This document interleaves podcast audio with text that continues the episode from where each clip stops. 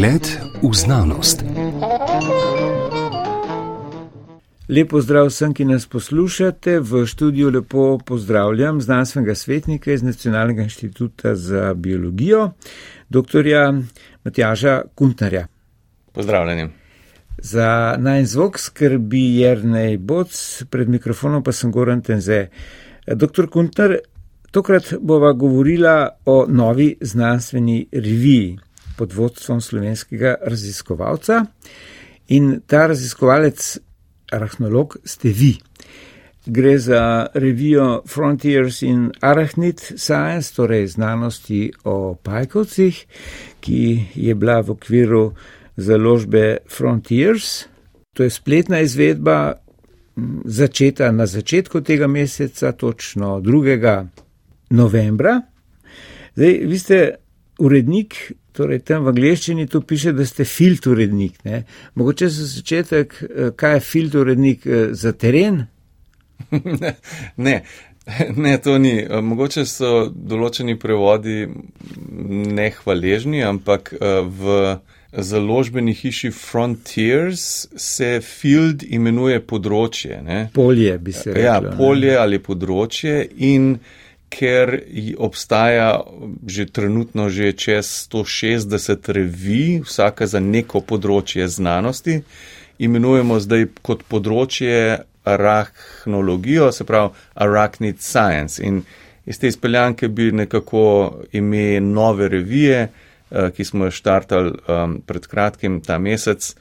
Se pravi, imenujejo jo Frontiers in Arachnid Science in ker, je, ker jo vodi področni glavni urednik, v tem primeru jaz, lahko to nekako na ta način prevajava.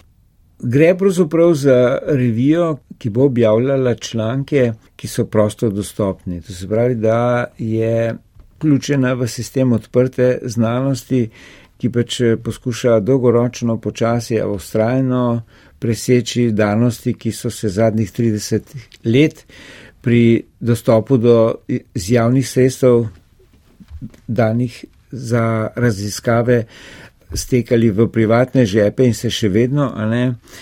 Ta revija Frontiers, oziroma ta založba, bo pa to omogočila, čeprav je pa potrebno plačati. Ne? Ampak da ne bo šla v te sicer pomembne, ampak bolj ali manj administrativne, zunaj znanstvene opise.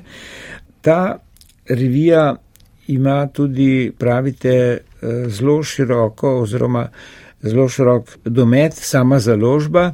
Vsebuje nekaj, če mu se reče peer review, to se pravi, da objavlja zgolj in samo strokovno preverjene članke. Ne revije, kot naprimer je treba plačati, pa ti objavlja vse, kar napišeš, ali pa tiste, ki je treba precej plačati. Mm, tako je. No, um, tukaj, ja, kot ste ugotovili, gre za odprt dostop, odprta znanost je um, v porastu in prav je tako. Namreč um, v preteklosti smo znanost objavljali uh, na način, da smo poslali prav tako recenzije naše uh, znanstvene članke, ki so jih potem založbe uh, zaklenile in, in prodajale recimo samo naročnikom ne, in te naročnine so bile zelo, zelo drage. Uh, predvsem v tretjem svetu so bili dostopi tako omejeni, da je bila to vrstno objavljanje znanosti zelo, zelo zaprto.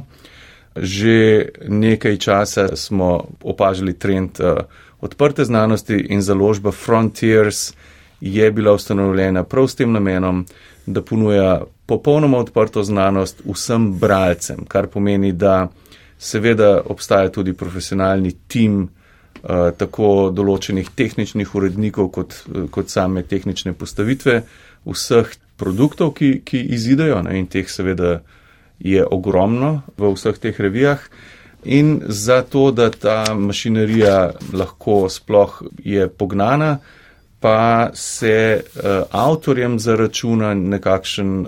Obstajajo štiri tarife, tako ja. od po, take, po nekih tarifah do ja. okrog 2000 evrov. Tako, ne? glede na, na težo ali veliko,st eh, članka in podatkov notri se zaračuna avtorjem, se pravi iz njihovega proračuna za znanost, se je treba upoštevati, da se tudi to plača in ko je objavljeno, je potem brez omejitev odprto v vsem bralcem po vsem svetu, kar mm -hmm. uh, je popolnoma revolucionariziralo način objavljanja in način diseminacije mm -hmm. znanosti. Temu se no. reče odprta znanost v zlatem odprtem dostopu. Ja, to je ta zlati dostop. Ne? No, deluje pravzaprav pod uh, eh, CCBY, Creative Commons Attribution License, ne? kar je seveda prosti dostop, kar je v redu. Ne?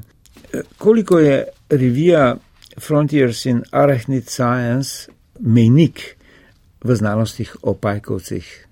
Moje mnenje je, da bo. Eh, zdaj smo jo začeli iz, tako rekoč, iz nič. Namreč založba Frontiers ima že zdaj, kot sem omenil, več kot 160 različnih revij, ki pokrivajo eh, znanosti zelo, zelo različne. In ko so pristopili k meni, če bi me zanimalo urejanje čisto nove revije za uh, znanosti o pajkovcih, smo najprej pre preverjali to, ali je sploh dovolj znanstvenega materijala na svetu za to vrstno revijo in ugotovili smo, da, da je. Namreč po svetu deluje precej raziskovalnih skupin, ki redno objavljajo to vrstno znanost. Trenutno jo objavlja v glavnem v drugih širših revijah ali pa manjših društvenih revijah.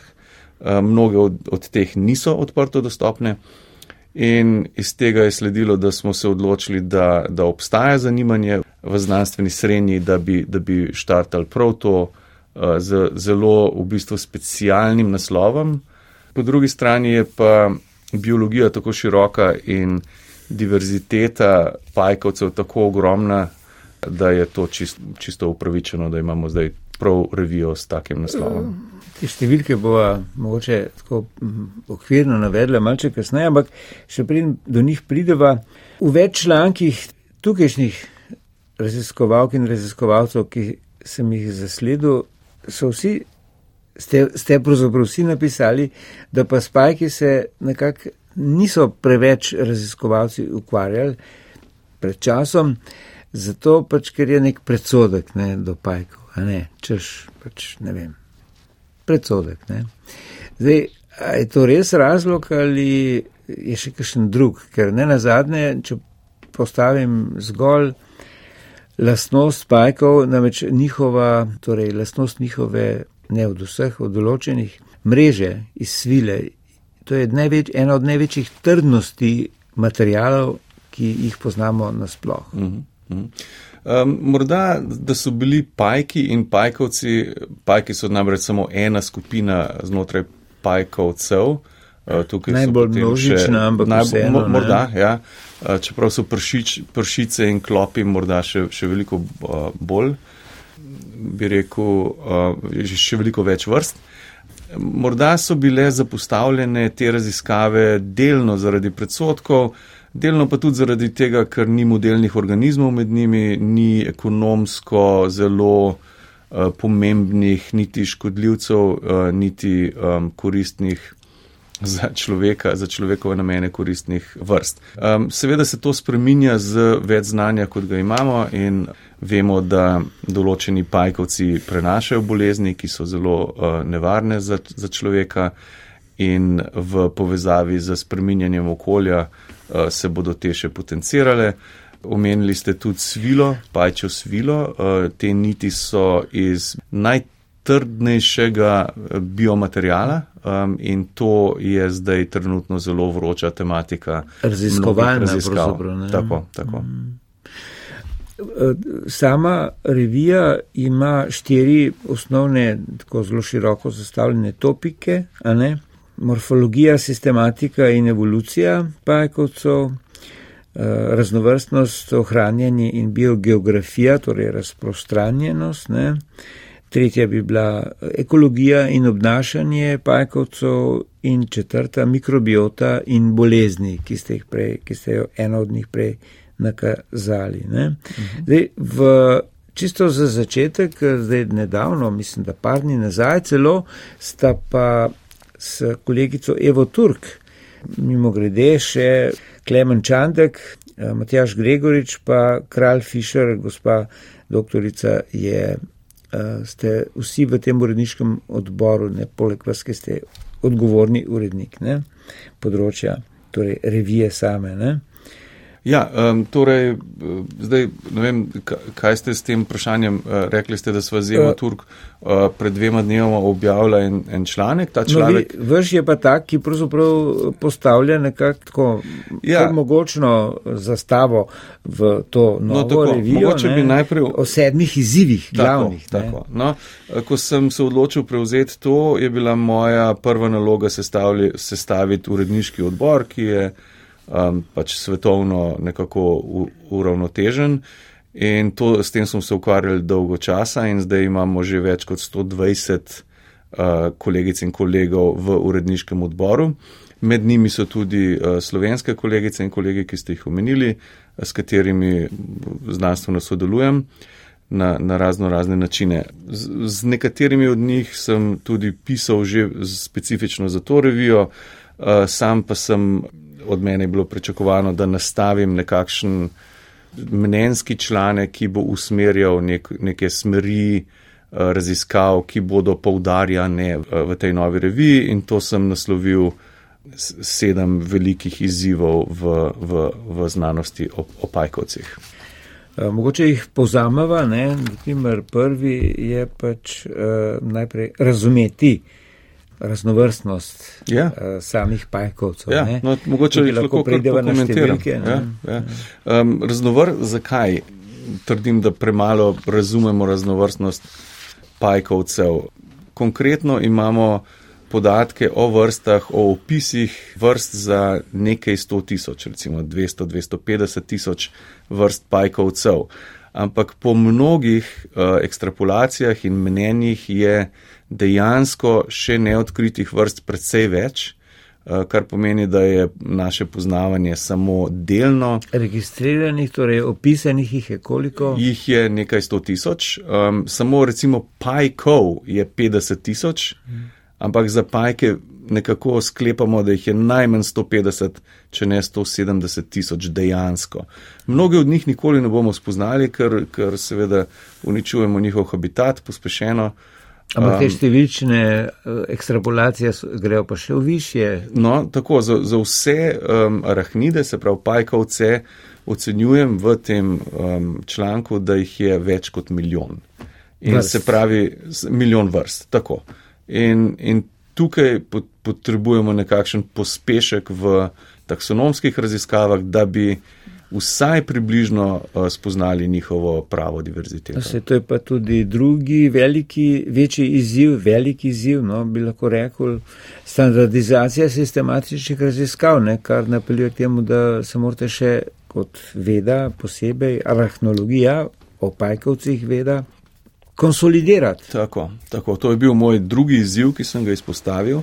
Kaj to pomeni standardizacija sistematskih raziskav? V preteklosti smo delali sistematske raziskave na določenih organizmih, nekako precej neodvisno od drugih. Recimo tisti, ki smo študirali pajke, smo objavljali nekakšne filogenije, na škorpionih drugačne in tako naprej.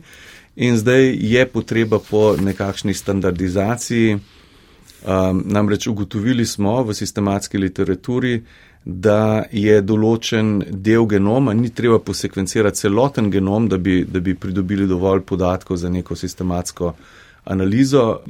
Prvi od njih je bil dobro desetletje nazaj izpisan. Ne? Ja, genom. A, seveda, ampak, ampak to gre za druge modelne organizme. Ne? Za, aha, ne, ne, se upravičujem, tudi pri arahnidih, ja, tako je. Nekakšno desetletje ne, nazaj um, bil objavljen prvi genom, trenutno je celotnih genomov, čez 30, nekaj ne, deset, ja, 34 tako, ja.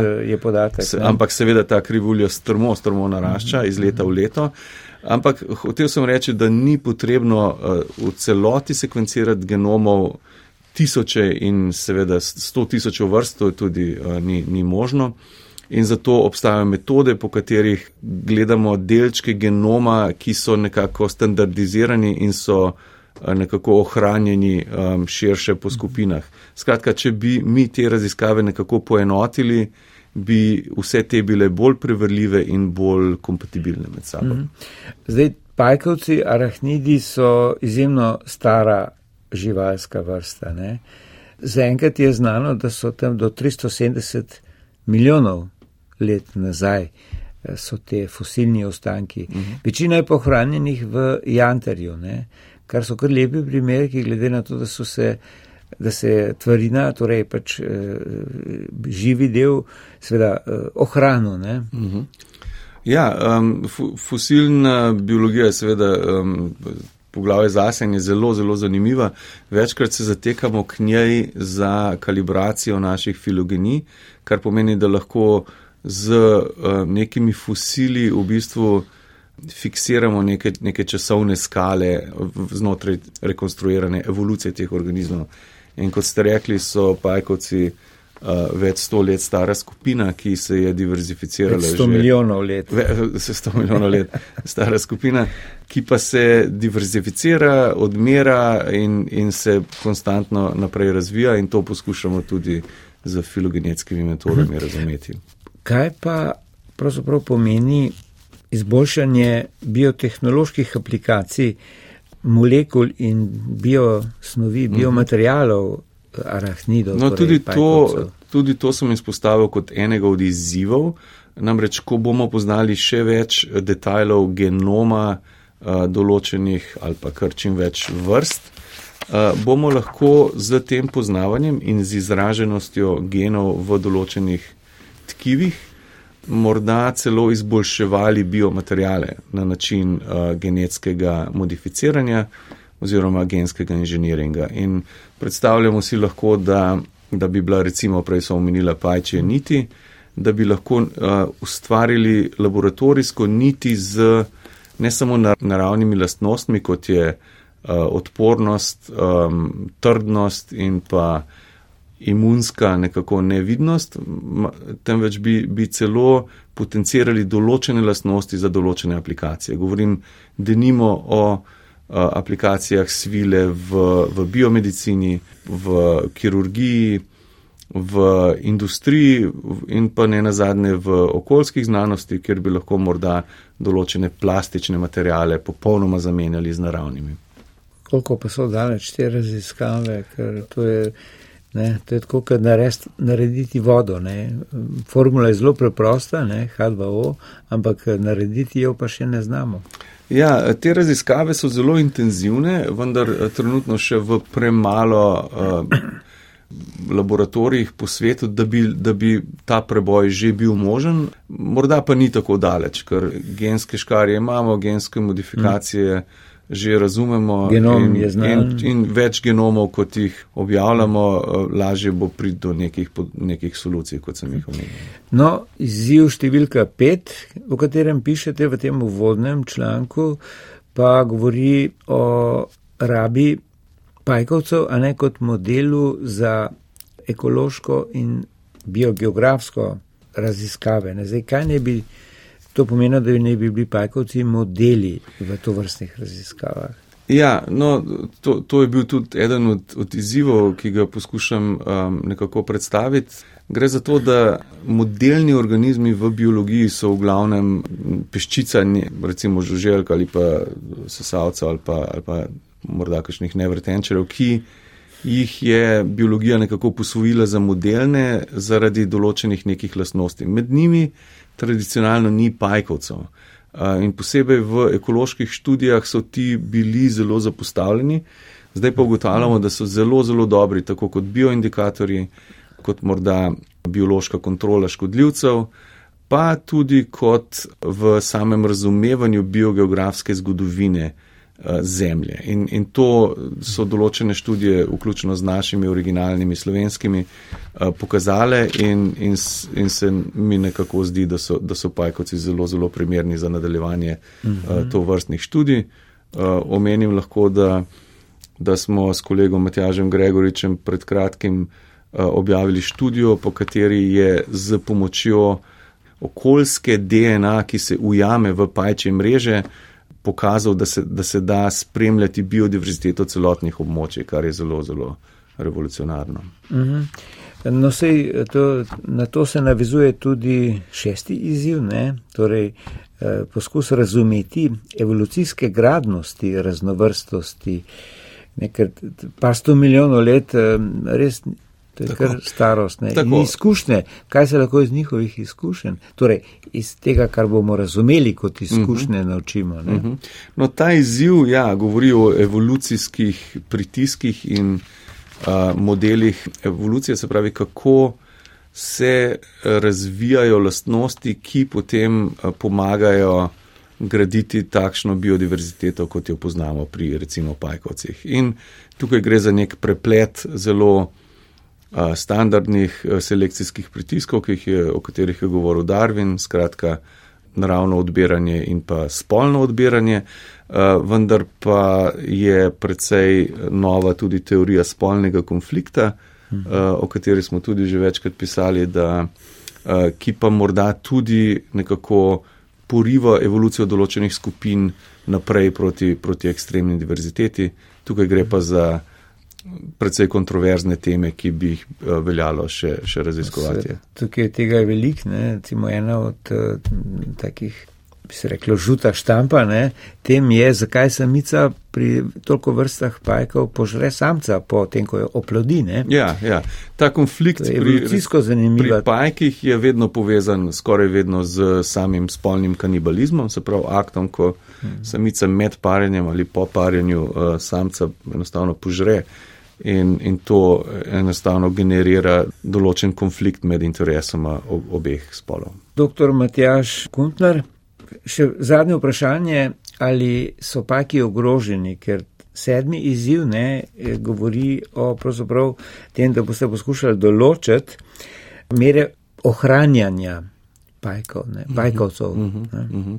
Ja, um, v luči globalnih sprememb. Pajkovci kot uh, morda milijonska uh, skupina kot celota niso ogroženi in tega ne moramo trditi. Seveda določene vrste so ogrožene in to so predvsem tiste, ki so vezane na kakšne otoke ali pa, ali pa posebne habitate. Uh, veliko krat so tudi povezani z sladkimi vodami, ker določeni pajki jo uporabljajo tudi za, za pač živijo v sladkih vodah. Izpostavil sem potrebo po bolj integrativnem pristopu k ohranitveni biologiji, konkretno pajkovcev, eh, kjer bi lahko upoštevali ne samo njihovo ekologijo in faunistično poznavanje določenih vrst, temveč tudi nekakšno bolj filogenetski pristop eh, k ohranjanju. Namreč eh, včasih, če ohranimo deset vrst, ki so si med sabo zelo bližnji sorodniki, ni enako efektivno, kot če ohranimo deset vrst, ki pa so filogenetsko zelo, zelo raznoliki.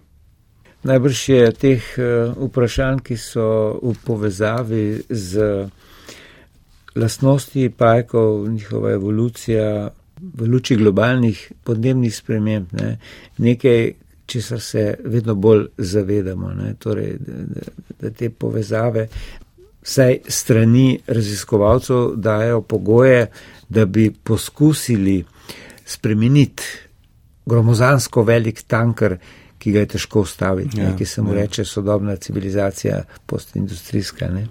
z vso presežno rabo energije. Ja, se strinjam, da ljudje eh, pospešeno eh, uničujemo to, kar še je ostalo na tem planetu in v povezavi z globalnimi spremembami, ki jih opažamo, vsak od nas je v bistvu prihodnost eh, biodiverzitete predvsej slaba. Spletna revija Frontiers in Arachnid Science, eh, to je torej zaživela, še niti mesec ni stara, a ne. Vi ste urednik dr. Matjaš Kuntner, znanstveni svetnik iz eh, Nacionalnega inštituta za biologijo. Hvala za ta vaša pojasnila, zato se vam posebej zahvaljujeva Jrnej Boc, ki naj je posnel, in Goran Tenze, ki sem bil pred mikrofonom. Hvala tudi vam za povabilo.